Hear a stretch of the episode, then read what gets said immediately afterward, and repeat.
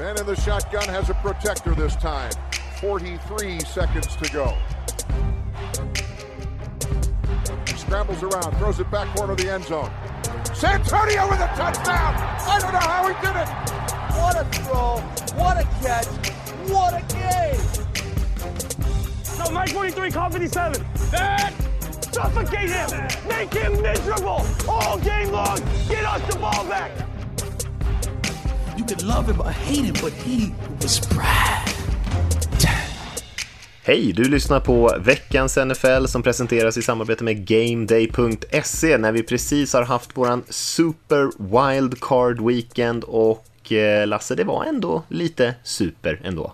Mycket super, tycker jag. Eh, superbra. Eh, jag sa det innan vi spelade in ja, det var så jämnt och spännande i alla matcher så jag liksom blandade ihop alla de här upplösningarna i matcherna. Hur var det egentligen så här Colts Bild slutade? Var det så som man kanske trodde att Ravens Titans slutade och sånt? Så att eh, lite bortskämd med att eh, i stort sett alla matcherna eh, var spännande in i slutet. Mm. Jag håller med, det var riktigt många bra matcher. Vad var din känsla Rickard? Nej, jag håller med. Och det är framförallt är det ju roligt när det är liksom, när det bara är ett nummer så att säga. Det är inte fler matcher igång samtidigt. Det är man inte så van vid när man kollar amerikansk fotboll. Så det är ju ganska kul. Dels är det kul bara att så här, ah, nu sitter alla verkligen och kollar på samma match och alla snackar om samma match överallt i hela världen.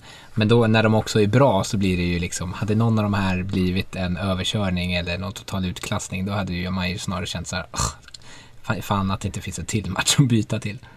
Ja, lite så. Ja, visst. Ja, visst. Och tre matcher på lördagen, tre matcher på söndagen. Det kändes som ett bra koncept, men undrar om man inte, alltså om man ska fortsätta med det här, om man inte till och med kommer sprida ut det lite mer. Eh, så att det kanske blir, alltså, alltså, antingen över två helger eller att det kanske till och med spelas någon kanske tidigare i veckan. Men det kanske blir i och för sig svårt att få det så att det är rättvist för alla lag på det sättet. Ja, jag tyckte det var jobbigt att det kom liksom ett break emellan matcherna. Jag var liksom eh, så inne i det så att man är så van när eh, söndagar klockan sju. Och så när de matcherna är slut då flippar man över till de här 22 matcherna. Nu var det så 40-45 minuters paus emellan där jag inte visste vad jag skulle göra mm. liksom. Eh, man bortskämd. Ja visst, visst. Och lördagsmatchen med Seahawks Rams där som också var, kändes som världshistoriens längsta match också. Eh, så först en paus och sen en gigantisk jättelång relativt seg match eh, innan den sena matchen började om man nu satt upp och tittade på den live, vilket jag eh, inte gjorde kan jag säga. Mm. Vad, eh, ska vi kolla lite nyheter innan vi slänger in oss i eh, Super Wildcard Weekend? Hade den så? Mega? Ja, Mega, mega super wildcard weekend. Ja, nej, men vi kan göra det. Det var ju, vi pratade om det lite förra veckan att eh, det var ett par coacher som hade fått sparken och att eh, det var, kanske inte var helt färdigt och vi pratade till och med tror jag lite om Doug Peterson i Eagles och att det var lite skakigt där ändå och eh, han skulle ha möte med ägaren Jeffrey Lurie där och eh, han hade det och de verkade inte riktigt komma, komma överens eh, kring eh, hur framtiden ser ut och och eh, han fick till slut sparken, Peterson. De vann ju Super Bowl för bara eh, tre år sedan. Eh, och eh, det känns som att fallet har gått ganska fort för honom och eh, mycket som kom ut efter sen var ju att det handlade väldigt mycket om att eh, Peterson var lite less på att få eh, massa vad ska man säga, propåer ovanifrån i organisationen om vad han ska och inte ska göra. Tankar eller liksom... inte tankar i matcher och sånt, tänker du exakt, exakt den typen av grejer. ja, men eh, vad var känslan av det? Var det rättvist verkligen? Det har ju gått fel väldigt snabbt. Eh, det, det kan ju ingen eh, säga emot tycker jag. Eh, de har alltså haft sin beskärda del av eh, skador i Philadelphia. Alltså, även i år som många lag, men även förra året var de väldigt eh, skadeskjutna. Så att, men man kan inte heller skylla på skador. Det har varit lite svågerpolitik i coachingstaben där och hans nya förslag var väl inte helt liksom revolutionerande. Jag vet inte. Jag känns på något sätt att Nej, jag har svårt. Jag, liksom, jag vill samtidigt säga att den där Mike Tomlin-grejen vi pratade om när vi pratade om Pittsburgh. Att man hänger i med tränaren. Eh, Låt han ha ett par dåliga år. Kan jag samtidigt förstå. Men det känns som Dog bara kom längre och längre ifrån liksom, lösningen. Ja, alltså det känns... Det känns ju hårt när man tänker på att de typ nyss var, vann Super Bowl. Eh, och då så kronades han liksom som stadshjälte och gavs nyckeln till staden och fick göra vad han ville. Eh, till att liksom kasta ut honom. Men jag gissar att, förutom då att han inte tycker om den här toppstyrningen, men att det pågår saker som vi inte vet om. För det här infekterade quarterback-rummet, relationen med Wentz, alltså det, så han måste ju ha misskött det på något vis för det bänkas ju quarterbacks, eh, kanske inte av Wentz, av hans egna bild av sig själv, eh, den kalibern hela tiden. Men det måste ju kunnat skötts på ett snyggare sätt än vad, än vad det har gjort. Mm, jag håller med. Mm. Ja visst, och det känns som att det har varit någonting där som är, har skavt. För Peterson har ju också varit, eh, om man har kollat lite presskonferenser där under säsongen, har han varit ganska, på ganska dåligt humör i den här säsongen. Mm. Och det kan ju vara många anledningar. De förlorar ju många matcher. Eh, hade lite, såklart, väldigt mycket oflytt med skador och allting. Men eh, han har inte känts direkt i harmoni. Och det har säkert varit en del grejer bakom kulisserna som man inte vet om. Det är också lite intressant att eh, ägaren Lurie där gick ut och sa att Eh, han tror att det här jobbet är väldigt attraktivt på grund av quarterback-situationen som han har i Eagles. Så jag vet inte riktigt om han är in touch med verkligheten. Jag skulle säga att det största frågetecknet i Philadelphia är ju just QB-situationen. Eh, så att jag tror inte att det är något som kommer locka sökande. Jag vet inte, håller ni med om det eller håller ni med Lurie? Sa han att de, de, han sa han att de hade Nate Sudfelt eller? Det är en ja. bra grej. jag tror han nämnde faktiskt bara Hurts och Wentz. ja, konstigt. Ja. ja, jag håller med dig där Mattias. Det är ju en väldigt skev, skev bild på situationen. Ja, och det kanske förklarar lite från Petersons perspektiv om det, är, om det är den verkligheten han ska försöka leva i så kanske det blir lite svårt. De har, jag ska ju också intervjua Arthur Smith som vi har hyllat några gånger. Du har lyft honom några gånger Lasse, eh, Titans offensiva koordinator eh, som är lite spännande. Ja, Salah också va? Eller Salah, vad säger man? Mm, exakt. Eh. Säkert Bienemy som alla andra också. Ja, antagligen. Eh, vi har lite andra coachnyheter. Eh, Raiders och Cowboys eh, som vi kanske ska börja kalla mini-Seahawks nu i den här podden, jag vet inte. När eh, Raiders har anställt Gus Bradley som defensiv koordinator och eh, Cowboys har anställt Dan Quinn som defensiv koordinator. Vad säger ni om dem? Ja men vi har varit minus också ett tag där på försvaret. Vi hade ju Chris Richard innan eh, som var under Dan Quinn väl i eh, DC Seahawks där. Så att eh, det funkade ett år, funkade inte ett år. Så nu går man på eh, överkok och Dan Quinn där. Jag tycker det känns helt okej. Okay. Eh, tror det kommer bli relativt likt det försvaret som vi såg innan eh, under Jason Garretts tid med eh, eh ja, eh, relativt enkelt försvar vilket eh, jag köper. Och bara tanken på Legend of Boom eh, lockar ju trots att det krävs annat än bara en coach för att få det i verket. Ja, Raiders är också lite minis här också. Vi hade ju Ken Norton Jr eh, som defensiv koordinator där en stund. Han är ju hos er nu. Eh, Han är ju tillbaka hos oss. precis, det gick ju förskräckligt hos oss. Eh, nej, jag är ah, inte jätteövertygad. Eh, jag tycker man har sett att den här Seahawks-modellen inte riktigt funkar överallt. Den funkar om man har väldigt bra spelare. Och jag vet inte vilka Raiders tänkte sig att de har som är väldigt bra spelare på försvaret. Då måste de ju ha elva nya starters som de ska kunna liksom leva på det. Det var storsågen framme. ja, det var taskigt kanske. Eh, men det var ju väldigt mycket hål om man ska säga. Och liksom, det är ett enkelt system för att spelare ska kunna spela fort och, och reagera direkt på vad de ser. Eh, och det gör ju att det blir lättare för motståndet så länge man inte möter jättebra mot, alltså spelare. Mm. Så det känner jag mig lite tveksam för. Men eh, jag vet inte riktigt hur det kommer se ut. Gus Bradley var ju under Rod Marinelli med eh, Gruden när de var i Tampa Bay. Och då var det ju, så var det ju inte riktigt det här KV3-försvaret eh, som eh, Seahawks har gjort känt. Så jag vet inte riktigt hur det kommer se ut. Nej, det blir intressant. Båda de här två är ju, eh, har ju gjort lite sig kända för att vara ganska populära. Alltså populära bland spelarna, populära bland de andra coacherna, eh, bra ledargestalter sådär. Sen har det ju inte alltid de här Seahawks-systemen fungerat överallt, men känns ju som att skulle kunna passa ganska bra i båda de här lagen som har ganska tunga anfall och spela ett ganska, o, Lasse som du sa, det ganska okomplicerat försvar där man kanske mm. försöker att inte liksom gå, in, gå inte bort sig så mycket, man låter liksom spelarna spela ganska mycket eh, och sen så eh, minimera kanske stora spel och försöka eh, luta sig lite på sitt anfall. Och det kanske blir lite enklare när de här två eh, grabbarna har varit i lite andra klubbar. Ja, jag tänker mm. Rickard som är framme med sågen med Raiders där och är lite rädd att ni ska spela ett enkelt försvar eh, för att de andra ska läsa. Jag är mer nöjd med att vi ska spela ett enkelt försvar för att vårt försvar ska klara av att spela försvar överhuvudtaget. Så att, eh. ja, där, jag är väl där också. Vi hade ju ett jättekonstigt system under Paul Gunther. Ja. Men jag tänker mig under så här. Vi har ju ingen spelare som Alltså har, det är inte många spelare på, i, i Raiders försvar som jag tror att anfallen sitter och tänker så här, åh oh shit, hur ska vi hantera honom? Och har man inte det så är det här systemet kanske, man måste ju kunna vinna sina matchups och jag vet inte hur många som kan göra det i Raiders försvar. Nej, det kanske ligger något i det. Vad tycker du om eh, Twitter-presentationen när de la upp fel bild på Gus Bradley när de skulle presentera honom som ny coach? Det var väldigt roligt tyckte jag.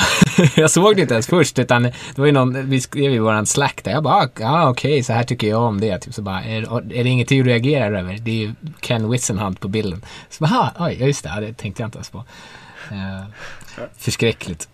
Det, det åkte i papperskorgen rätt fort det där inlägget. Så kom ja. ut ett nytt exakt likadant med en annan bild. Det var ju lite roligt. Tycker de borde haft kvar det bara. Ja, jag det Stått för det det är inte så jävla noga. Ja, eh, ska vi hoppa in och prata lite om eh, wildcard-matcherna då? Eh, och som sagt, det var ju sex stycken ganska jämna matcher. Man kan väl säga att eh, Ja, just att de är jämna så betyder det också att några av de eh, matcherna där man kanske tänkte att det var en ganska tydlig eh, favorit eh, inte blev så ensidiga som man först hade tänkt kanske. Och vi kan väl börja i ordning och göra en liten snabb recap. Vi kommer ju prata om de vinnande lagen när vi pratar lite om den kommande divisional-rundan här snart. Så att, eh, vi ska väl inte gräva för djupt här i recapen. Men det började ju med Bills Colts som eh, eh, många hade Bills som en ganska stor favorit i den här matchen. Men eh, det blev ju faktiskt väldigt jämnt och Eh, jag tyckte Colts spelade en bra match efter sina förutsättningar. Det var ju lite mer dink and dunk kanske än vad Buffalo brukar spela. Eh, och sen så hade de ju faktiskt chansen på slutet både på en Bills-fumble som eh, Bills fick tillbaka men även att man hade faktiskt bollen i slutet av matchen med chans att antingen kvittera eller gå upp i ledning men lyckades inte med det och Bills vann till slut med 27-24. Ja, jag tycker eh, bra match av vi igen förut. Men, men jag tycker att eh, båda lagen eh, spelar lite för eh, konservativt, lite för fegt. Eh, Bills kan man ju på något sätt köpa det då de håller i en ledning och ska försöka hålla den matchen ute. Det kan man på något sätt se. Colt gör väl det för att inte sätta ut Bills mm, mäktiga anfall eh, så mycket på planen jag tror lite Colts sköt sig själva i foten när de gjorde så. För att när man släppte på tyglarna där i, i eh, andra halvlek så såg man att de spelade faktiskt riktigt bra på offensiven. Och eh, jag tyckte lite så att de tillät sig inte eh, att ge det en chans på offensiven. Hade de eh, vågat lite mer just offensivt så, så eh, vete fasiken. Möjligt att Bills då hade fått mer chanser och gjort mer poäng. Men eh, jag, jag hade velat se Colts våga lite mer från start än vad de gjorde. Ja, alltså när Rivers, eh, han, han var ju het mm. eh, när han väl kom igång. Eh, jag som oftast skiter på honom. Men jag vet inte, de fick ju inte riktigt igång T.Y. Hilton. mycket gick ju via Pittman. och Doyle hade ju en del mottagningar. Ja, och touchdownen där. Thailandsen var jävligt ja. flitiga där. Ja, precis. Det, och det, Rivers har ju alltid älskat sina tight mm. uh, men det kändes som att det, det kan vara tungt ibland i den här typen av matcher att inte kunna få de här stora, riktigt stora spelen. Det, kan vara, det blir väldigt svårt att ta sig hela banan om man ska dinken danka eh, sig hela vägen fram. Och då är det kanske lätt att man eh, jag vet inte, fastnar någonstans på vägen och är man inte tillräckligt aggressiv då så händer det ju sånt här som det gjorde i första halvlek att de inte eh, liksom kunde skapa längre serier som resulterade i poäng. Mm. Ja, nej, det blir små marginaler. De lyckades ju för det mesta tycker jag hålla sig liksom på rätt sidan av den där marginalen. Man mm. hade inga så här, inte så mycket dumma penalties som man hamnar i för långa situationer. Och sen är det ju det här som, jag skrev det på Twitter, jag tror vi har pratat om det tidigare, men det är ju liksom, det är ju typ bara crossing routes eh, och eh, ja. screens och sen passningar, korta passningar till tight ends. Och det är liksom allt de gör egentligen. Och, och Rivers hade ju några djupare passningar, men även det var ju på samma typ av routes fast de kanske gick några yards till upp i banan. Så att jag tyckte Rivers gjorde ju en, en bra match här med tanke på att springspelet inte var någon särskilt stor faktor.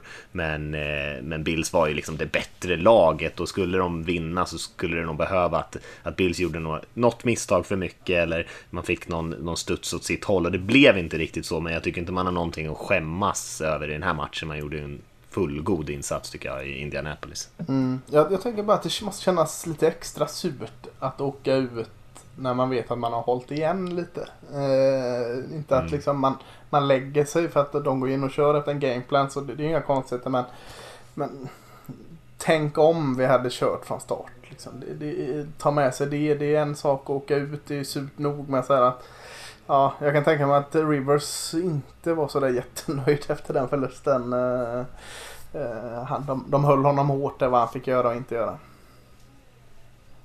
Mm. Mm. Ska vi lämna den matchen, eh, hoppa vidare till Seahawks-Rams-matchen som eh, blev väl, jag tyckte att alla de här matcherna på lördagen blev väl ungefär som man hade tänkt att de skulle bli. Kanske några av dem blev lite jämnare och det kanske blev en annan segrare än, än eh, en del hade trott. Men det blev ändå den typen av matchbilder till skillnad kanske från en del av de lite senare matcherna. I och för sig så, sista matchen på lördagen blev ju lite speciell, men just den här matchen kände man ju att det skulle kanske bli en defensiv fight eh, mot ett Rams-anfall som började med att spela John Wolford. Han fick en tackling i huvudet av Jamal Adams ganska tidigt och klev av och Jared Goff kom in och han var ju liksom uppenbart begränsad med sin tumme där. Eh, tyckte han eh, var ganska off på många av sina kast och, och jag skulle säga att inget av de här anfallen gjorde egentligen någonting. Jag tror att vid en tidpunkt i den här matchen så var det sju, åtta serier i rad liksom från båda lagen då som hade slutat med punts och eh, sen kastade eh, Seahawks och Russell Wilson en pick six på ett eh, riktigt bra spel av, eh, av Rams DB där såklart. Eh, och då fick de ju ett övertag och, eh, och fick till någon ytterligare bra drive som gjorde att de fick, stack ifrån lite och Seahawks anfall lyckades helt enkelt aldrig någonsin komma igång i den här matchen. Och då ska man ändå säga att de hade väldigt, väldigt mycket gratis. Jag som Seahawks-supporter var extremt besviken på den här matchen. En av de sämsta matcherna jag sett Seahawks göra. För man hade verkligen allt med sig. Eh, Dixon, Pantern, spelade otroligt bra medan Rams Panther hade en jättetuff dag. Så man hade hela tiden jättebra field position. Eh, Rams började alltid långt, långt ner. Aaron Donalds klev av med skada. Eh, Rams startande quarterback skrev av med skada. Eh, men ändå lyckades Seahawks inte göra någonting egentligen på den här matchen. Uh, nej, jag såg bara första halvlek faktiskt. För jag tyckte att det var så tråkigt att jag inte orkade kolla på den. Ja, den var seg och lång. ja, lång. Eh, brukar hellre upp och tittade på Bucks eh, football team-matchen. Eh, nej, men jag, jag håller med precis som du säger. Det känns, ingen av anfallen hittar ju någon rytm. Eh, och jag, jag, jag förstår att Seahawks har svårt mot det här Rams-försvaret som är så bra. Men eh, jag tänkte att de borde kunna hitta mer, liksom någon sorts form av explosiva spel. Någon sån här mm, trolleri som Wilson brukar kunna lösa. Så det förvånade mig. Ja, Wilson var ju, alltså du säger att Goff var begränsad, var han ju. Eh, Russell Wilson, jag vet inte om man ska säga begränsad rätt ord, men han eh, kom inte loss. Eh, som man har sett en del i slutet att han inte gör. Alltså DK Metcalf gör ju en jättebra match med, med det han har att jobba med. Eh, han, för så att det var väldigt svagt offensiv från båda lagen och, och ja, det, det, det var det ju. Eh, två ganska bra försvar. Eh, framförallt Rams är jättebra igen. Men jag tycker DK Metcalf jättebra. Eh, och Cam Akers eh, från början till slut. Cam Akers, running backen här i, i Rams. Eh, eh, det är inga sådana här Derek Henry eh, grejer han gör. Men 4 yard, 6 yard, 7 yard, 3 yard, 5 yard, 12 yard. Alltså han eh, han är det som behövs när, när det är en sån här match. Så Cam Akers tycker jag kan man se som en matchvinnare. Ja, en av få offensiva spelare som faktiskt gjorde en, en bra, riktigt bra match här. Och det räckte ju egentligen för Rams att, att han gjorde sitt jobb bra. Jag, jag tycker man kan nämna ändå att Seahawks var ju också eh, lite som vanligt, men också väldigt konservativa i den här matchen. Eh, vilket gjorde att kanske det eh, straffade dem i slutändan också. Man hade ju fler, som man hade tre stycken, fjärde och ett på motståndarnas planhalva eh, och två gånger kickade field goal och en gång puntade. Nu satte man ju de här långa field goalsen, men ändå. Och sen så hade man ju också en fjärde och kort i slutet på matchen. Där det dessutom blev en skada strax innan och man fick en så här två minuter skadetimeout, men man fick ändå en delay of game när man kom in sen och skulle spela på fjärde och ett. Mm. Och eh, det är ju fullkomligt oacceptabelt. Och då låg man ju under och det var i starkt behov av att hålla i den driven vid liv. Tänkte du på det? Jag håller med om två bra försvarsspel. Tänkte du på det eh, på den här pick sixen här? När vem det var som jagade? Ja, Metcalf får ja, inte jaga fattar det. Ja, ja. Kommer det en sån till nu? Ska man behöva stå ut med sån här? Ska jag behöva lägga ut Larry Allen i Cowboys när han jagar ner ett Saints receiver igen? igen. För att försvara att Metcalf inte är snabbast. Eh, men den här gången gick det inte. Ja, nej, det var tufft. Han var ju rätt sur också för att eh, han inte, av olika anledningar, var väl frustrerad. Eh, men eh, sen när man kände som att man försökte lite tvinga bollen till honom. Nu var det ju inte det där något farligt spel som, som Aikman och gänget lyfte, att det där är ju inte det man räknar med att det ska bli en interception, utan det är ju ett ganska fantastiskt spel från Rams försvarare där. Men ändå eh, kändes som att man försökte tvinga dit bollen och blev straffad för det. Mm. Men ja, vi behöver inte prata mer om den matchen. Eh, ingen alls stark insats från Seahawks i alla fall och Rams eh, och deras försvar kämpar sig vidare till nästa runda. Vi kan ju nämna eh, lördagsnattsmatchen där, Washington eh, mot Tampa Bay blev ju också väldigt spännande och där trodde man väl att Tampa Bay var ganska stora favoriter. Och här kan man väl prata om en matchbild som blev ganska eh, oväntad. Jag tyckte att Bucks offensiva linje spelade väldigt bra och det som gjorde att Washington kanske kunde hänga med var väldigt mycket för att deras anfall spelade bättre än väntat. Absolut, alltså det var jättekonstigt.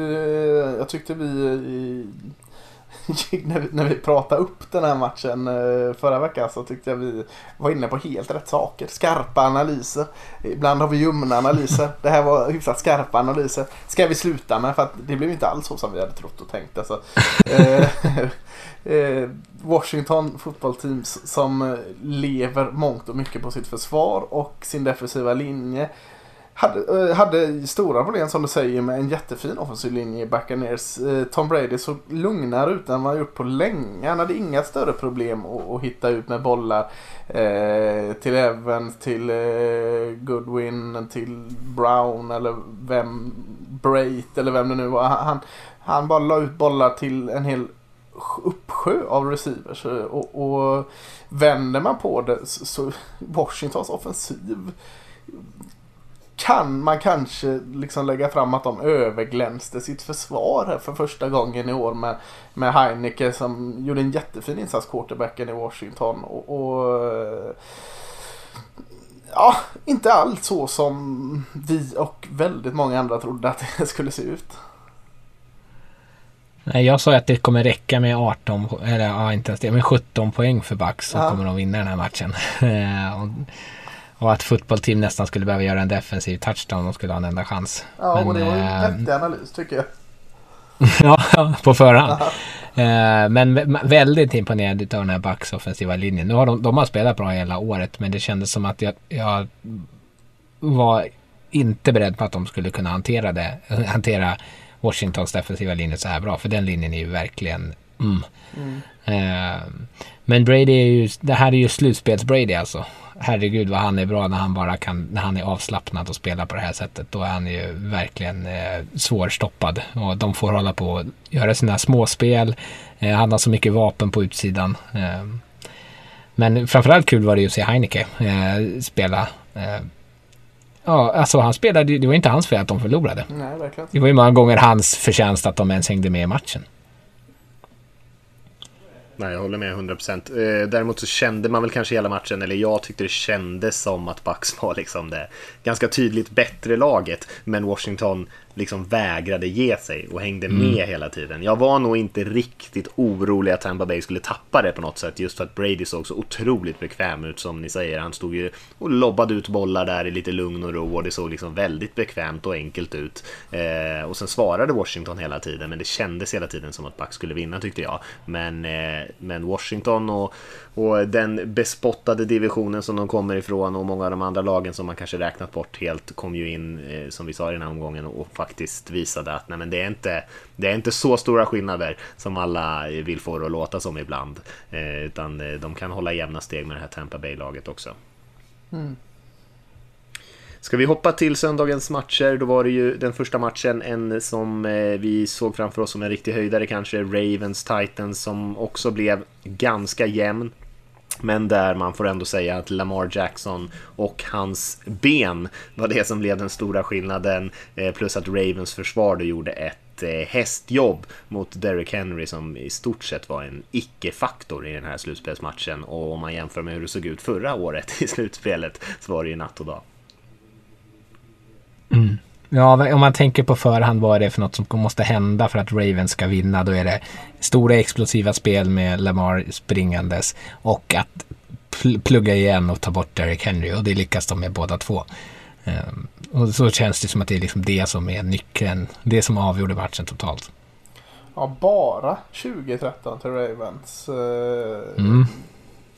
Ja, med tanke på hur jäkla liksom uh, bra Lamar Jackson var och, och känns det liksom snålt. Men, men, eh, det är att han är så jäkla bra i rätt lägen. Kanske inte alltid de här poänglägena. Men eh, ja, eh, snacka om MVP tillsammans med defensiva linjen i, i Ravens där. Jag vet inte vad som är störst. Hur, hur liksom man totalt plockade bort Derrick Henry och, och Titans springspel eller Lamar Jacksons liksom att värdera ett läge. Vad som liksom är störst vad jag tar med mig från den här matchen. Ja, Titans försvar spelade ju faktiskt också ganska bra. Alltså, mm. Han hade ju inte en chans att, alltså jag tror att, jag vet inte vad Lamar Jackson stannade på, 140 yards rushing eller något sånt där. Det var ju väldigt, väldigt mycket. Men i övrigt gjorde man ju faktiskt en bättre match än vad jag hade trott i alla fall. Eh, särskilt mot, mot passningsspelet. Men eh, det blev lite för mycket att hantera i slutändan för dem. Men det var ju ingen dålig match av dem. Jag tror man hade tänkt att om Titans skulle vinna den här matchen så måste anfallet spela betydligt bättre. Eh, så det var kanske där som han hade Ja, det var det som var besvikelsen kanske. A.J. Brown spelade ju väldigt bra såklart och hade några stora spel, men annars var det ganska, ganska eh, ljummet. Det var, ju, det var ju bara han som funkade i, alltså i passningsspelet överhuvudtaget känns det som. Det Man saknade de... ju Corey Davis också. Ja, verkligen. Ja. Uh, han var inne några snaps men han, han var ju märkbart uh, inte 100 procent. Eh, och Tannehill, han kan, alltså när vi har möttes tidigare år och Henry, då sprang ändå Henry väldigt bra. Men då visade de ändå, som jag sa inför, då visade de ändå att de kan passa på det här försvaret. Nu lyckades ju liksom inte ens det. Så då kändes det som att det var väldigt många gånger det bara tog halt. Här var det ju väldigt, väldigt svårt att ens få dem att få någon rytm, få, någon, liksom, få igång sitt anfall som är så beroende utav eh, springspelet och play action utifrån det. Hade man mm. inte sett matchen och bara smygit upp resultatet i eh, där du kollar dina resultat. Text-tv säger vi. Ja. Eh, och sett så här, innan du ser Titans score så ser du Ravens 20 poäng. Då hade jag varit svinnöjd som Titans fans för jag hade ju garanterat tänkt mm. att Ravens hade, eller Titans hade tagit mer än 20 poäng. Så att eh, det ligger något i det. Så att eh, eh, ja, Titans försvar spelade bra. Håller Ravens till bara 20 poäng. Ja. Mm. Eh, vi hoppar vidare till Saints Bears, också en match där eh, det kanske var många som såg stor favorit i Saints, men Bears hängde med ganska länge. Eh, man hade ju kanske, eh, man hade några missade möjligheter, inklusive en lång eh, touchdown-passning som gick rätt igenom händerna på, på där från Trubisky och eh, sen så hade man lite svårt faktiskt att flytta bollen mot det här New Orleans-försvaret. Och Saints vann i slutändan, men eh, det var ändå match ganska länge. Och den slutade ju bara faktiskt 21-9 till Saints. Ja, här, jag sa till er innan här, här skulle jag gå över och kolla lite, för Nickelodeon sände ju den här matchen eh, lite mer eh, för eh, de unga tittarna ska lockas till, till sporten. Eh, jag zappade bara över till Nickelodeon och skulle kolla hur det såg ut. Och så sen gick jag och la mig i soffan och kollade och så var det väldigt långt i fjärrkontrollen så jag orkade inte resa mig upp. Så att jag satt och såg hela matchen på Nickelodeon här med slimekanoner och eh, Spon eh, Spongebob SquarePants emellan filgolfstolparna och det. Så jag hade lite svårt att fokusera. Eh, eh, men det var, det var ganska roligt att se eh, se den från de ögonen och förklara lite mer eh, på en, ba, på en, på en ung eller ej ny tittares nivå hur liksom regler och sånt kom till.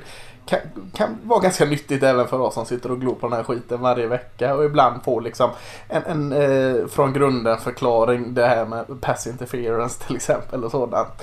Eh, sen är det ju alltid trevligt att se slime så men, men, men, men själva matchen eh, jag hade lite svårt att fokusera på grund av det faktiskt. Eh, mer än att eh, jag tycker mm, Bears eh, offensiv är ju solklart liksom, akilleshälen. Det, det är ju det Bears som vi har pratat om hela säsongen som vi såg här.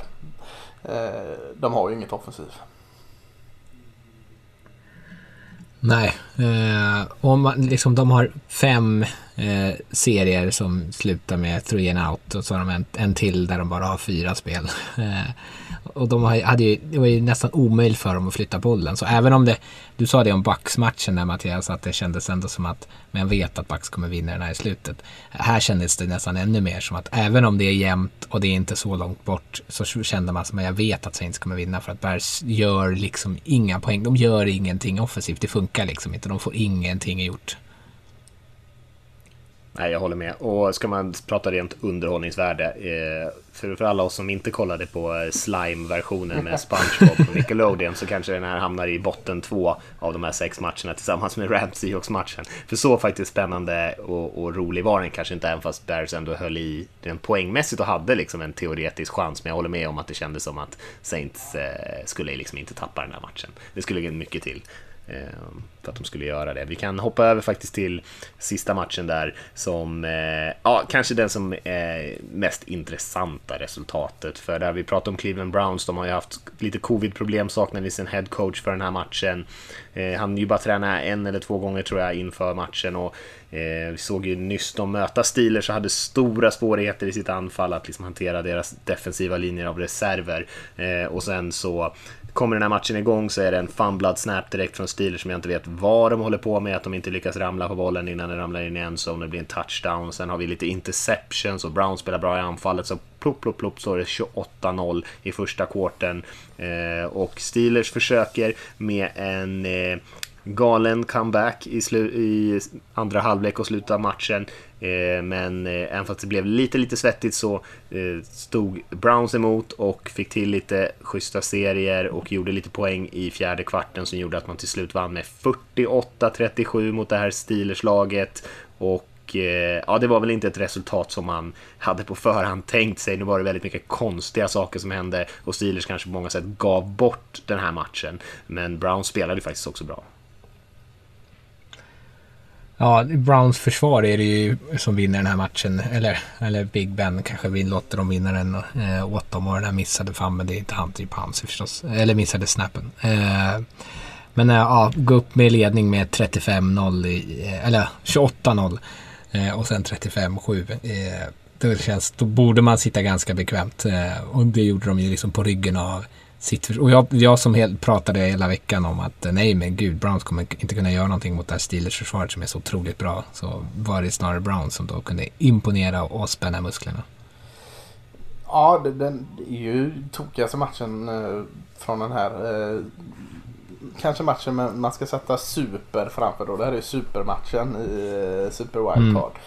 Mm. Eh, för Browns försvar eh, jättebra i början och så sen så eh, blir de ängsliga eller jag vet inte vad. De släpper ju till väldigt mycket.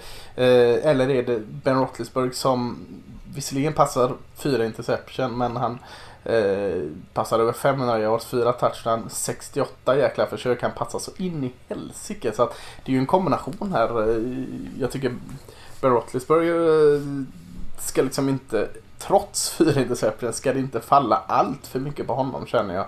Eh, han gör ju vad han måste göra för att hämta ikapp eh, vad sa vi, 35-7.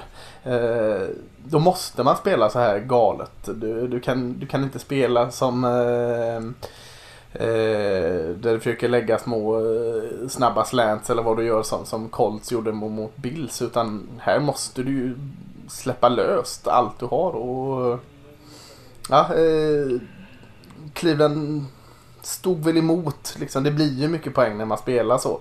Eh, men bara, bara det aspektet i matchen tycker jag är jäkligt tokigt. Alltså, liksom, eh, jakten för, för Steelers för att liksom komma ikapp Cleveland Browns. Det, det, det är intressant. Ja, alltså, Ja. man, man, Det blir som sagt lite galet. Han måste ju chansa, men också Big Ben har ju också en ganska stor roll i att de faktiskt ligger i så stort underläge. Jaha, Sen gör han absolut. ju såklart vad han kan. Att han kastar lite pick sen när han har 70 passförsök och försöker komma igen från 28-0 i första kvarten. Det är ju skitsamma. Det är ju bara kasta den. Det är bara bomba Mm. Ja. varje spel. Men eh, eh, ja, han eh, gjorde ju ingen stark inledning på Nej, det matchen. han det, det, inte. hjälpte ju definitivt inte nej, åtminstone två av de där interceptionerna är ju liksom bara på honom. Man är en där det är liksom, där han, eh, där han, han kastar den där till tiki-taki eller vad han heter, tack-tik-tok. Eh, som bara, alltså bara, som bara, ja men han står där. Och jag, jag kommer inte ihåg om det var Romo, nej det var det inte, det var någon annan eh, kommentar som bara, men alltså det ser ut som att han passar den till honom, men jag förstår inte vad han håller på med, den här passen är ju avskyvärd. Och om liksom en kommentator ändå är så ganska hård i sina ord, då har man ju verkligen gjort någonting riktigt dåligt. Mm. Ja, och även den på eh, hans eh, andra pick där i början som är en, en pa tappad passning så är den passningen fortfarande också dålig. Ja, ja, Eh, precis. Så den är ju, accuracy-mässigt är den ju dålig och då blir det ju såna här grejer. Om man ska hålla på och kasta slants och såna här grejer över mitten av plan och så kastar man med dålig accuracy. Ja, då händer det sånt där. Eh, och det är väl lite på receiven kanske, men också garanterat lite på quarterbacken att man kastar ett så dåligt kast. För det är ju svårt att justera när passningarna är så korta. Ja. Eh, ja men eh, kul för Browns får man väl ändå säga. Steelers har ju deras kollaps har vi pratat om tidigare och det här var väl eh, lite spiken i kistan på den kollapsen att eh, man åkte ut mot eh, det här stryklaget som man spöat som vi sa här inför 17 raka matcher på hemmaplan och man åker på den här ganska rejäla käftsmällen här men för Cleveland Browns är det ju såklart en ja, eh, ett förlösande ögonblick, om man säga så. Eh, Ska vi hoppa över till eh, de kommande matcherna istället? Eller har vi någon mera liksom, generella tankar eller någon andra tankar kring de här wildcard-matcherna? Ja, det vi sa att det var eh, jämna och fina och underhållande matcher. Minnet är kort men jag är inte van att man blir så bortskämd med det redan direkt in i slutspelet. Kul, jag jag är inte missnöjd med det nya slutspelskonceptet. Nej. Just för att det varit så bra matcher. Nej, håller med. Eh, och nu har vi ju fyra matcher nu också här den kommande helgen och det är ju också två på lördagen, två på söndagen. Det är lite svettigare eh, sändningstider för oss här i Svedala, men eh, det får man kanske leva med. Man kan ju faktiskt också se de dagen efter om man har den möjligheten, eh, har någon streamingtjänst eller så. Men eh, vi kan ju börja med i köra dem i ordning och den första matchen är ju den som kanske känns som att den kan bli, eh, den känns inte så jämn på förhand när Los Angeles Rams ska åka och spela mot Green Bay Packers på Lambeau Field, spelas 22.35 på, på lördagen. Det tycker du inte alltså? Du har eh, Green Bay som solklar favorit här. Mm, det har jag. Ja, jag, jag, jag är nog inne på när jag sitter och tar mina plus och minus här att Green Bay ändå vinner denna. Men, men ja, jag tror det blir jämnt. I... Aaron Donald haltade ut sist men det verkar inte vara någon fara med honom tror jag inte. Så han, han är att räkna med. Eh, och jag tänker eh, alltså Green Bays offensiva linje, David Bakhtiari skadad borta. Eh, tar väl ut då Billy Turner eh, som tackle och så kommer det in en, en eh, hyfsat grön eh, guard här, Lucas Patrick som, som säkerligen kommer få känna på Aaron Donald här. Eh, kan Aaron Donald och eh, även sån som Leonard Floyd som jag tycker eh, haft en fin säsong stöka till det lite för Aaron Rodgers i början här så vi får se Green Rodgers mer som, som frustrerad så, så är det match. Samtidigt som eh, Rams kan göra lite det de gjorde mot Seahawks. Eh, mata på med, med Cam Akers i springspelet så, så tror jag i alla fall att det kan hända saker. Sen håller jag med dig. Jag, jag, jag har Green Bay som favorit. Eh, eh, just nu ser de, ser de väldigt, väldigt bra ut. Till och med försvaret har sett bra ut i sista. Eh, I alla fall vissa stunder. Eh, med eh, Rodgers till Adams såklart då eh, som, som en jättenyckel. Men, Adams ska också antagligen få möta eh, Ramsey här. Det, det, det är en rolig fight. Jag kollade för skojs skull upp Jared Goff. Han, han har Han har två matcher när temperaturen har varit under 0 grader som det pekar på att det ska vara i Green Bay. Eh, på de två matcherna har han noll touchdown och fem picks. Så eh, lägg du det till hans skadade hand så, så är, får det vara liksom det som gör att jag ändå tippar på Green Bay Packers här. Jag tror bara, är han inte Mår han inte bättre i sin tumme? Han bör ju må bättre i sin tumme. Den bör ju hinna läka på en vecka lite mer än vad den hade gjort på den senaste. Men är han in, ser han liksom ut som han gjorde mot Seahawks så tror jag inte de har en chans. Eh, för för då såg han verkligen förskräcklig ut. Men eh, jag hoppas att han eh, mår bättre. Och det finns ju också en chans att Walford kanske är lite piggare också. Jag vet inte vad han, om man antar att han fick en... Han fick en nackskada som kanske var i och för sig var ganska allvarlig. Men, men jag tror ju annars att det här Green Bay-anfallet ändå kommer jag kunna göra lite poäng på Rams. Och då, då hänger det ju på att de ska hänga med lite grann. Men, men ja, du är nästan så att du övertygar mig om att den kan bli lite jämnare än vad jag kanske tänkte rent spontant där.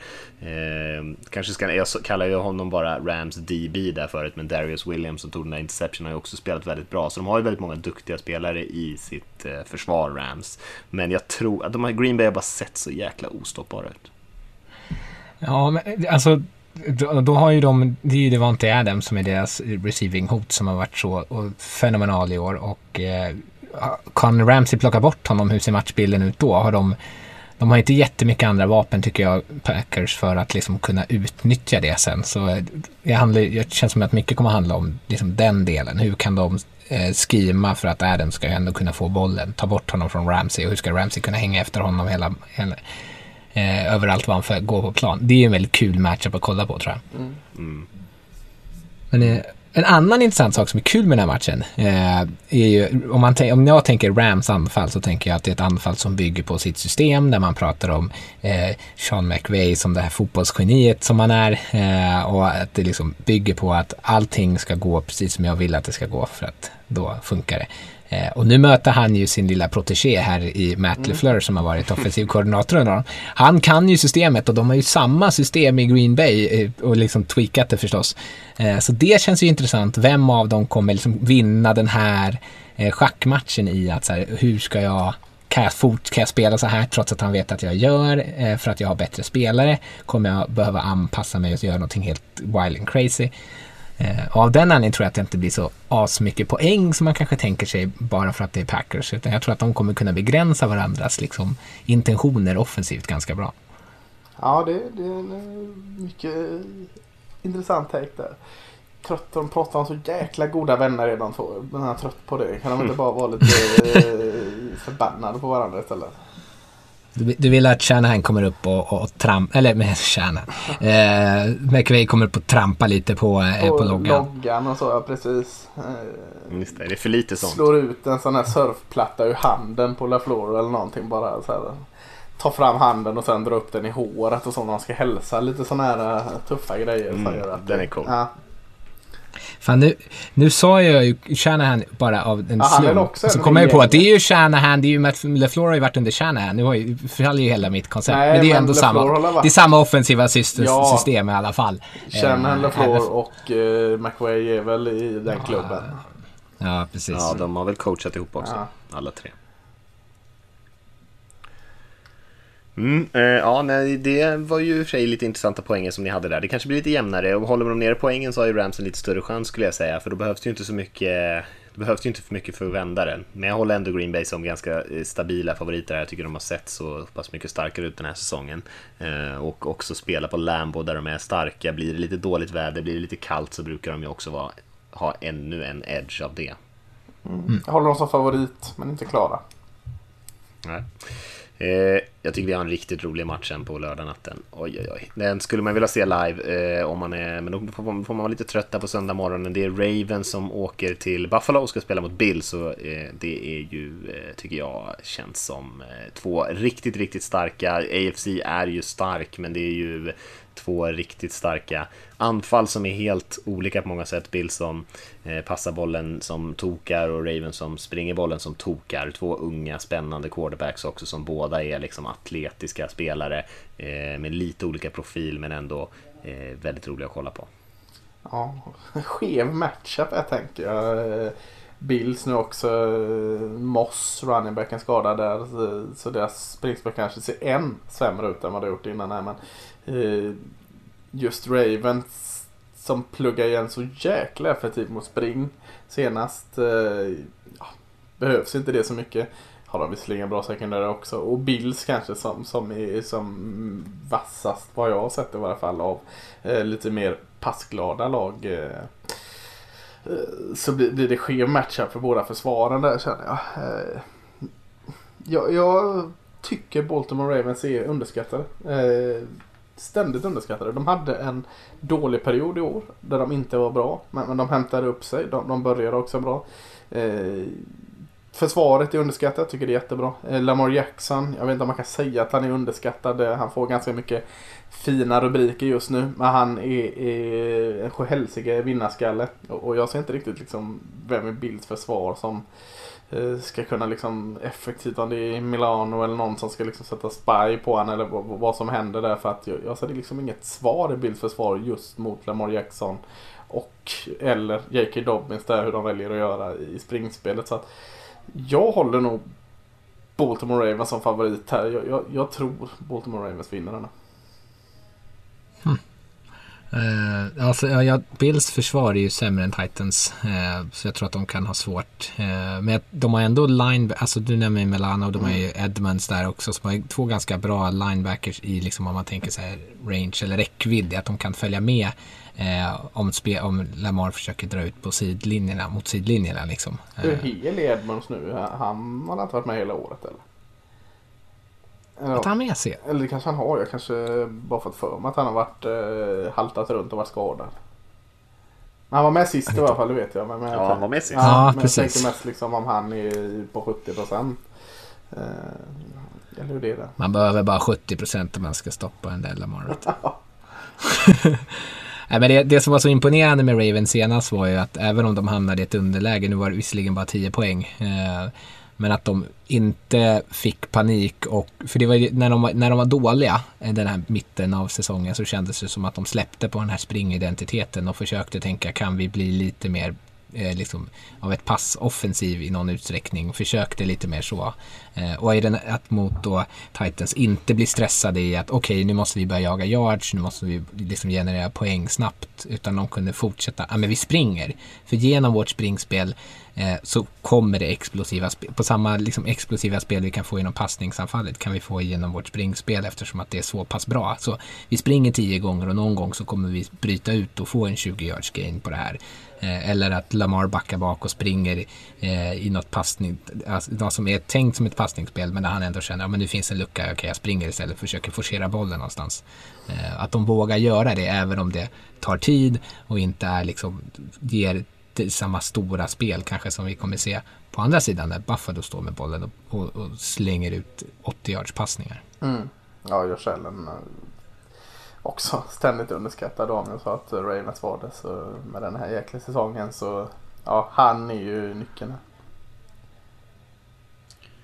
Ja, eh, jag tycker den är svårtippad den här. Alltså Buffalo har ju sett ut som det hetare laget, men jag håller med Lasse om att Ravens är ju en riktig sån där som har flugit lite under radarn just för att de hade några dåliga veckor innan den här slutspurten. Och det var ju mycket på grund av att man bara hade lite spelare borta, hade lite covid-problem och sådana där grejer som, som spelade in till att man kanske inte spelade så bra som man kunde. Eh, jag har faktiskt ingen riktig känsla för vem som kommer vinna den här matchen. Eh, så jag vet inte vad jag ska tippa, men jag, jag är nästan inne på att luta lite åt Lasses håll att Ravens kommer ta den här matchen ändå. Eh, men ja, det har varit tufft att tippa emot Buffalo år. De har ju verkligen kört över folk. Mm. Då tänker jag, då tänker jag säga att Buffalo vinner bara för det. Kör de över dem ja, också? Säg det nu så att vi får... får... Ja. ja 48-12. 12 är en sån här bra siffra också. Ja. Ja, nej, men kul match. Alltså, ja, verkligen eh, spännande. Det känns som att det är ändå jämnt. Det kan, det kan gå liksom åt lite vilket håll som helst. Men jag håller med om det Lasse säger där, att försvaren är ju kanske inte peak på att stoppa det som den andra vill göra. Eh, så att, eh, men lite osäker på exakt vad man kommer få se. Eh, ska vi hoppa till eh, söndags, första söndagsmatchen och det är ju Cleveland Browns som ska åka och spela på bortaplan mot Kansas City Chiefs som har en vilovecka i ryggen precis som Green Bay Packers. och eh, Browns såklart imponerade ju senast, men jag tror att många tänker sig att de kommer få det ganska tufft att hänga med eh, Patrick Mahomes och gänget, men helt borta ur den här matchen är de väl definitivt inte. Nej, det ska man väl inte... Ja, inte så som det såg ut senast. Då känns det ju väldigt taskigt att räkna bort dem. Eh, och, och, i slutspel, allt kan hända. Eh, men Chiefs måste ändå ses som favoriter. Andy Reid när han har fått vila och vecka är ju fenomenal. Eh, som det har vi tjatat om i den här podden tusen gånger om. Eh, men det, det blir... Browns måste ju på något sätt kunna, som man alltid pratar om med Mahomes, hantera klocka, eller så, ta, hantera tempot, känna att de har kontroll på det. Men de sprang i bollen så otroligt bra förra gången. De vann ju the line of scrimmage både med sin offensiva linje och sin defensiva linje. Eh, och det, då behöver de ju göra samma sak här. De vill ju, eh, Browns vill ju att man räknar bort dem. De vill ju att du ska mm. säga det. Eh, de lever ju på det. När Julius Smith-Schuster gick ut och sa vad han sa att det var en massa gråa ansikten eller vad han sa. Mm. Ja, eller nameless grey faces. Ja, just det jäklar vad de åt det liksom. Det, så, så det är klart att de älskar att komma in i den här situationen. Alla tror på Super Bowl-mästaren, Kansas City Chiefs med Patrick Mahomes och Andrew Reid där som, som coach. Det är ju perfekta förhållanden för Cleveland att kliva in här i detta. Eh, så som försvaret spelar sist för Cleveland eh, och så får de tillbaka väl eh, Stefanski i playcallingen i offensiven mm. dessutom. Vågar man tro på en krydda till här med, med Cleveland? Det är det, det jag tänker på. Eh, du, du pratade också att man vann, eh, Rickard, att man vann Lana Scrimmage. Eh, tycker jag ska, verkligen ska strykas under. Framförallt eh, i synnerhet med Cleveland och generellt vinnandet av Lana Scrimmage. Det är så väldigt lätt att lyfta de här eh, Dirk Henry och eh, eh Chubb och Hunt och allt vad de heter, running backsen i Cleveland. Men offensiva linjen, alltså det är oerhört svårt att vara en elite running back alltså, som sätter upp gång på gång stora nummer om du inte har en bra, en väldigt bra fungerande offensiv linje när det kommer till springspelet. Och, och jäklar vad Cleveland har det. Utan Betonio där såg ändå liksom de plöjde bort spelare. Eh, så enormt mycket beröm till Cleveland Browns offensiva linje tycker jag. Eh, och den kan säkert göra lite skada här också tänker jag. Eh, men jag känner också så här, det här försvaret, visserligen mot ett panikjagande Steelers och Ben Roethlisberger släppte ändå 37 poäng mot mm. kanske NFLs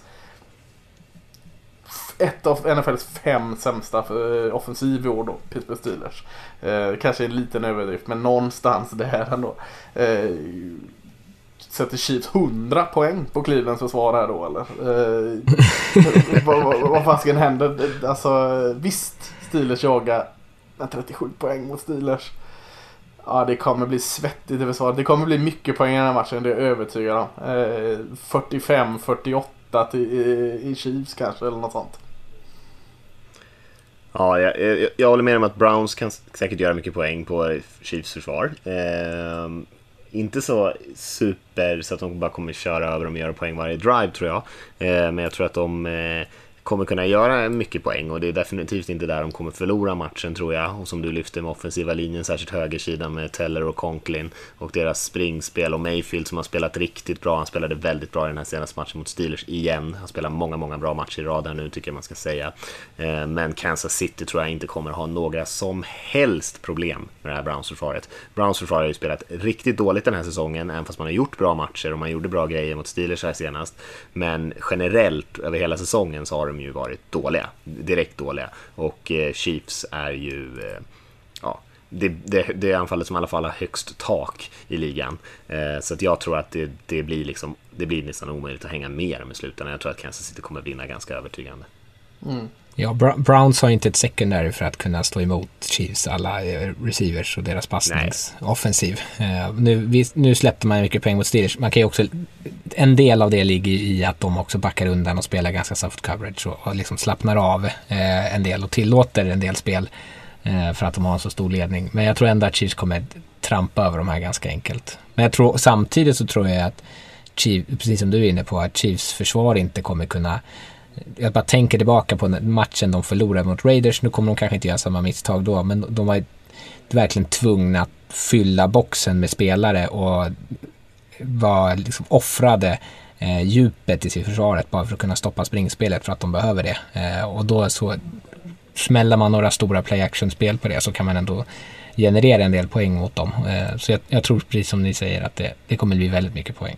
Ja, jag tror, tror man kan, alltså du kan ta bort de här eh, skitpassen Ben Roethlisberger la senast. Men du kan ha kvar de 500 yardsen, eh, fyra touchdownen som Mahomes kommer göra. Så där någonstans kommer det vara.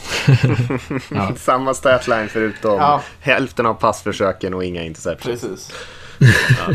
Eh, ja, nej, men jag älskar dock, eh, måste jag ändå säga, det som Lasse var ganska eh, bra var inne på tycker jag inför förra veckan. Att de är lite som, jag vet inte vad du sa, elefant i porslinsbutik eller sånt där kallar du dem. Att de har liksom ingenting att förlora, de kommer in här. Och jag vet inte, senast vi såg den här typen av mentalitet hos lag var liksom när Eagles höll på att springa runt med sina hundmasker och grejer. Ja. Alltså det är ju ingen tro på oss. vi är, de har ett fysiskt jäkla lag som har många, många bra spelare men ändå tror ingen att de ska vinna de här matcherna. Och jag tror att ändå att det finns någonting i det. Eh, där vi så här, sitter väl Analytics-nördarna och skrattar åt den typen av eh, teorier. Men jag tror ändå att det finns något att man enas kring någonting om att man är Eh, ingen tror på en, ingen respekterar en, man är bättre än vad, vad liksom folk vill erkänna eh, och kommer ut här och ändå känner och spelar för att man inte har någonting att förlora. Som vi har sagt tidigare, Mayfield är den typen av spelare. Att ha en offensiv linje som får höra det och kötta i den här matchen. Eh, det kanske inte är någonting man helt ska räkna bort. Eh, men jag tror ändå att Chiefs kommer vinna med en 10-14 poäng. Men, eh, men det är kul att följa det här Cleveland-laget just för att de har gått in i den modet känns det som. Mm. Jag tycker vi har en väldigt kul sista match också faktiskt. Eh, Tampa Bay Buccaneers som ska spela mot New Orleans Saints i New Orleans. Och eh, det är ju divisionsmotståndare, inte minst, som har mötts flera gånger tidigare. Inte alltid sett så jättekul ut för Tampa Bay. Eh, och jag tycker det är två bra lag. Svår. Usch vad svårt. Jag skulle sitta och komma på någonting liksom, som stack ut i den här matchen. Liksom, som kunde falla någon liksom, avgörande. Kom inte på det direkt. Eh, tycker Rickard sa det när vi pratade om Tampa Bay eh, i deras vinst mot Washington. Här att Tom Brady i den här slutspelskroppen skallen och allt sådant just nu där allt bara flyter på för honom. Där, där all passarna, eh, passen sitter precis där som den kanske inte gjorde vecka fyra. Eh, lägg det till Tampa Bays offensiva linje som såg så bra ut senast. Så eh, Eh, ja, eh, nu möter man visserligen ett mer komplett försvar här. Eh, kanske inte samma superdominerande defensiva linje som man tog bort ganska enkelt. Utan nu möter man, här har du gott om spelare i secondaryt också. Du har linebacker som, som liksom kan ge sitt in i det. Men, men jag har väldigt, väldigt svårt att se hur, eh, med hur Tampa Bay vann mot Washington. Och då, då kanske det inte är att liksom styrkan i att man vinner över Washington. Mer än att på sättet man behärskade den matchen och vann den matchen. Tar man med sig det mot New Orleans så har jag liksom svårt att se en av favoriterna innan säsongen rå på Tampa Bay här nu. Det är ju ganska lätt att säga också. Bara ta med det ni gjorde där och gör det mot New Orleans i, i eh, Superdome. Men, men äh, med det man visade mot Washington. Skit i Washington. Med det Tampa Bay gjorde. Så håller jag dem som favorit. Kul. Jag, skulle, det, jag sa att de hade mötts två gånger tidigare och kollade upp vad slutresultaten blev. Jag vet att det var en utklassning där, men den första matchen så vann ju Saints med 34-23 och den sista matchen i eh, november så vann ju Saints med 38-3. Eh, en match som i och för sig gick, där allt gick fel för Tampa Bay, mm. men Saints har ju ändå säkert eh, li, lite gott självförtroende kan man säga inför den här matchen. Det borde de väl ha också. Det här är ju en ganska Eh, alltså deras försvar är så pass bra att de, jag tror att de kommer kunna ställa till mer besvär än vad Washington gjorde, även om eh, linjen inte är lika bra som Washington. Så de har fortfarande en bra defensiv linje och den, den är så pass bra att de inte behöver skicka så mycket extra rushers. Eh, det som gör Brady fenomenal i att kunna se matchups. Och framförallt, han är ju omöjlig att blitza mot vilket är så frustrerande. För så fort du skickar en spelare på honom så vet han, aha, men det innebär att ni är extra svaga här och så attackerar han den delen av planen direkt. Eh, och så bara gör han så hela tiden. Eh, så jag, jag så här, få flashbacks på när Broncos lyckades ta sig hela vägen till Super Bowl. Jag menar, om jag pratade om det här senast också. Men att man inte behöver offra massa spelare i sitt secondary eller sitt pass coverage för att kunna pressa honom. Så då, då har man liksom en chans som försvar att, att stoppa och framförallt kunna minimera de här små spelen som bara genererar och tuggar framåt. Ehm. Men det är roligt, vad är, de här, vad är han? Han är 43. Breezy 41, det är ju verkligen gubbarnas kamp. Det var ju någon rolig, det är någon rolig, någon rolig eh, media på, eh, i USA som har gjort någon bild på dem där de är gamla gubbar. Eh, ja, det skulle vara Brady... History Channel där. Eh, ja, just det, ja. precis. men eh, Brady spelar ju inte som en gammal gubbe i alla fall, men Breeze gör ju det. Eh, så det är väl där kanske eh, det ligger något. Ja, jag såg Brady 85 ju... år tillsammans är de. Ja. Så det är den 85, äldsta QB-matchupen eh, någonsin såklart. Och jag vet inte om det någonsin kommer slås eller? Nej, men jag ja, jag vet inte, Michael Thomas, vad, vad fick vi för svar av honom senast mot Bears? Han var tillbaka i varje fall. Han gjorde lite nytta i varje fall. Lite slime i ögonen. Ja, men, men eh, det krävs ju det här gudomliga samarbetet som de två har haft över en ganska lång tid. Som kanske inte har funnits där i år på samma sätt. Det krävs ju att de hittar tillbaka till det nu. Eh, för det finns bara alltså eller kan man lägga ytterligare en match på Elvin Camara att lösa det liksom och så får försvaret göra sitt. Eh, någonstans på vägen till Super Bowl måste ju eh, Camara stoppas precis som Derek Henry stoppades för, för eh, Titan trots att de inte är samma typ av spelare. Men, men eh, nej, eh, jag har så svårt att se liksom, att Saints ska kunna Eh, matcha upp med Tampa här trots att de har vunnit mot dem båda. Mm. Nej, men det är intressant. Jag, jag, tycker definitivt, jag tror absolut inte att det blir en sån, eh, alltså att Saints har en sån lätt resa som tidigare. Jag, jag håller dem kanske som lite favoriter här, just för att jag tycker att det här Saints-laget är väldigt bra. Vi har pratat om en del, snart har vi kallat alla lag för underskattade, men jag tycker att kanske Saints är väl ett av de lagen också som man tänker att så här, ja, men Breeze är lite gubbig och försvaret är inte alltid spelat så bra. Så att, eh, men jag tycker det är ett ganska solitt lag och sett över hela säsongen har man ju faktiskt gjort en, en väldigt bra säsong. Och jag tycker ändå att de är eh, ett av de absolut bästa lagen i, i ligan. Eh, känner att det finns väldigt mycket medvind för det här Tampa Bay-laget och jag skulle inte bli förvånad om de, eh, om de skräller, men jag tror att Saints kommer vinna. Ja, däremot så skulle jag hellre se att Tampa Bay vinner. Eh, jag vet inte varför. Man kan ju tycka att Brady har vunnit tillräckligt i sin karriär, eh, men jag vet inte, jag tycker de är lite mer intressanta, får man säga så? Det är kanske taskigt mot Saints, men jag tycker att det är ett lite mer intressant lag helt enkelt. Lite roligare att prata om, lite eh, mer spännande karaktärer. Alla är inte positiva karaktärer, en del eh, kanske man inte vill heja på alla gånger, men det känns som ett mer intressant lag än Saints. De är bara en effektiv maskin, New Orleans, men eh, jag tror ändå att de är, är det bättre laget. Eh, men är det inte för att Bucks kan helt plötsligt lägga ett ägg då, som gör att de blir intressanta? Att man inte ja, riktigt kanske. vet vad man har att vänta sig? Ja, kanske det. Mm. Och du får ju lov att vara lite taskig Mattias. Det är inte bara jag och Rickard som får vara taskiga i den här podden. Det får även du vara. Ja, vad schysst. Det känns ändå bra. Det känns ändå bra. Ja, nej, men eh, det är ju svårt att börja såga lag vid fotknölarna vid det här stadiet i, eh, i slutspelet. det är inte så många dåliga det, lag kvar. Det är inte så många dåliga lag kvar. Uh, det är väl en Ramsden då, som jag kanske inte tror på så jättemycket på. Men annars tycker jag att de andra, all, alla andra lag faktiskt uh, håller ganska hög nivå. Och så behöver det inte alltid vara, men det känns som att det är rätt mycket rätt mycket bra lag och det känns inte som att det finns några solklara Super Bowl-favoriter heller i det här läget. Nej, jag håller på det. Har vi något mer att säga om de här matcherna? Nej, två på eh, lördag, två på söndag är det va? Ja. ja. Sov på förmiddagen, var uppe på natten. är väl tipset då. Det är väl det. eh, jag tror att det kommer bli bra matcher. Det känns som att eh, det, vi, vi kan i alla fall hoppas på att det kommer bli lika spännande matcher som det blev i wildcard-rundan. Kanske med till och med ännu högre kvalitet. Men annars eh, så, så säger vi så för oss och så hörs vi igen nästa vecka. Det gör vi. Det gör vi. Ha det bra. Ha det bra allihop.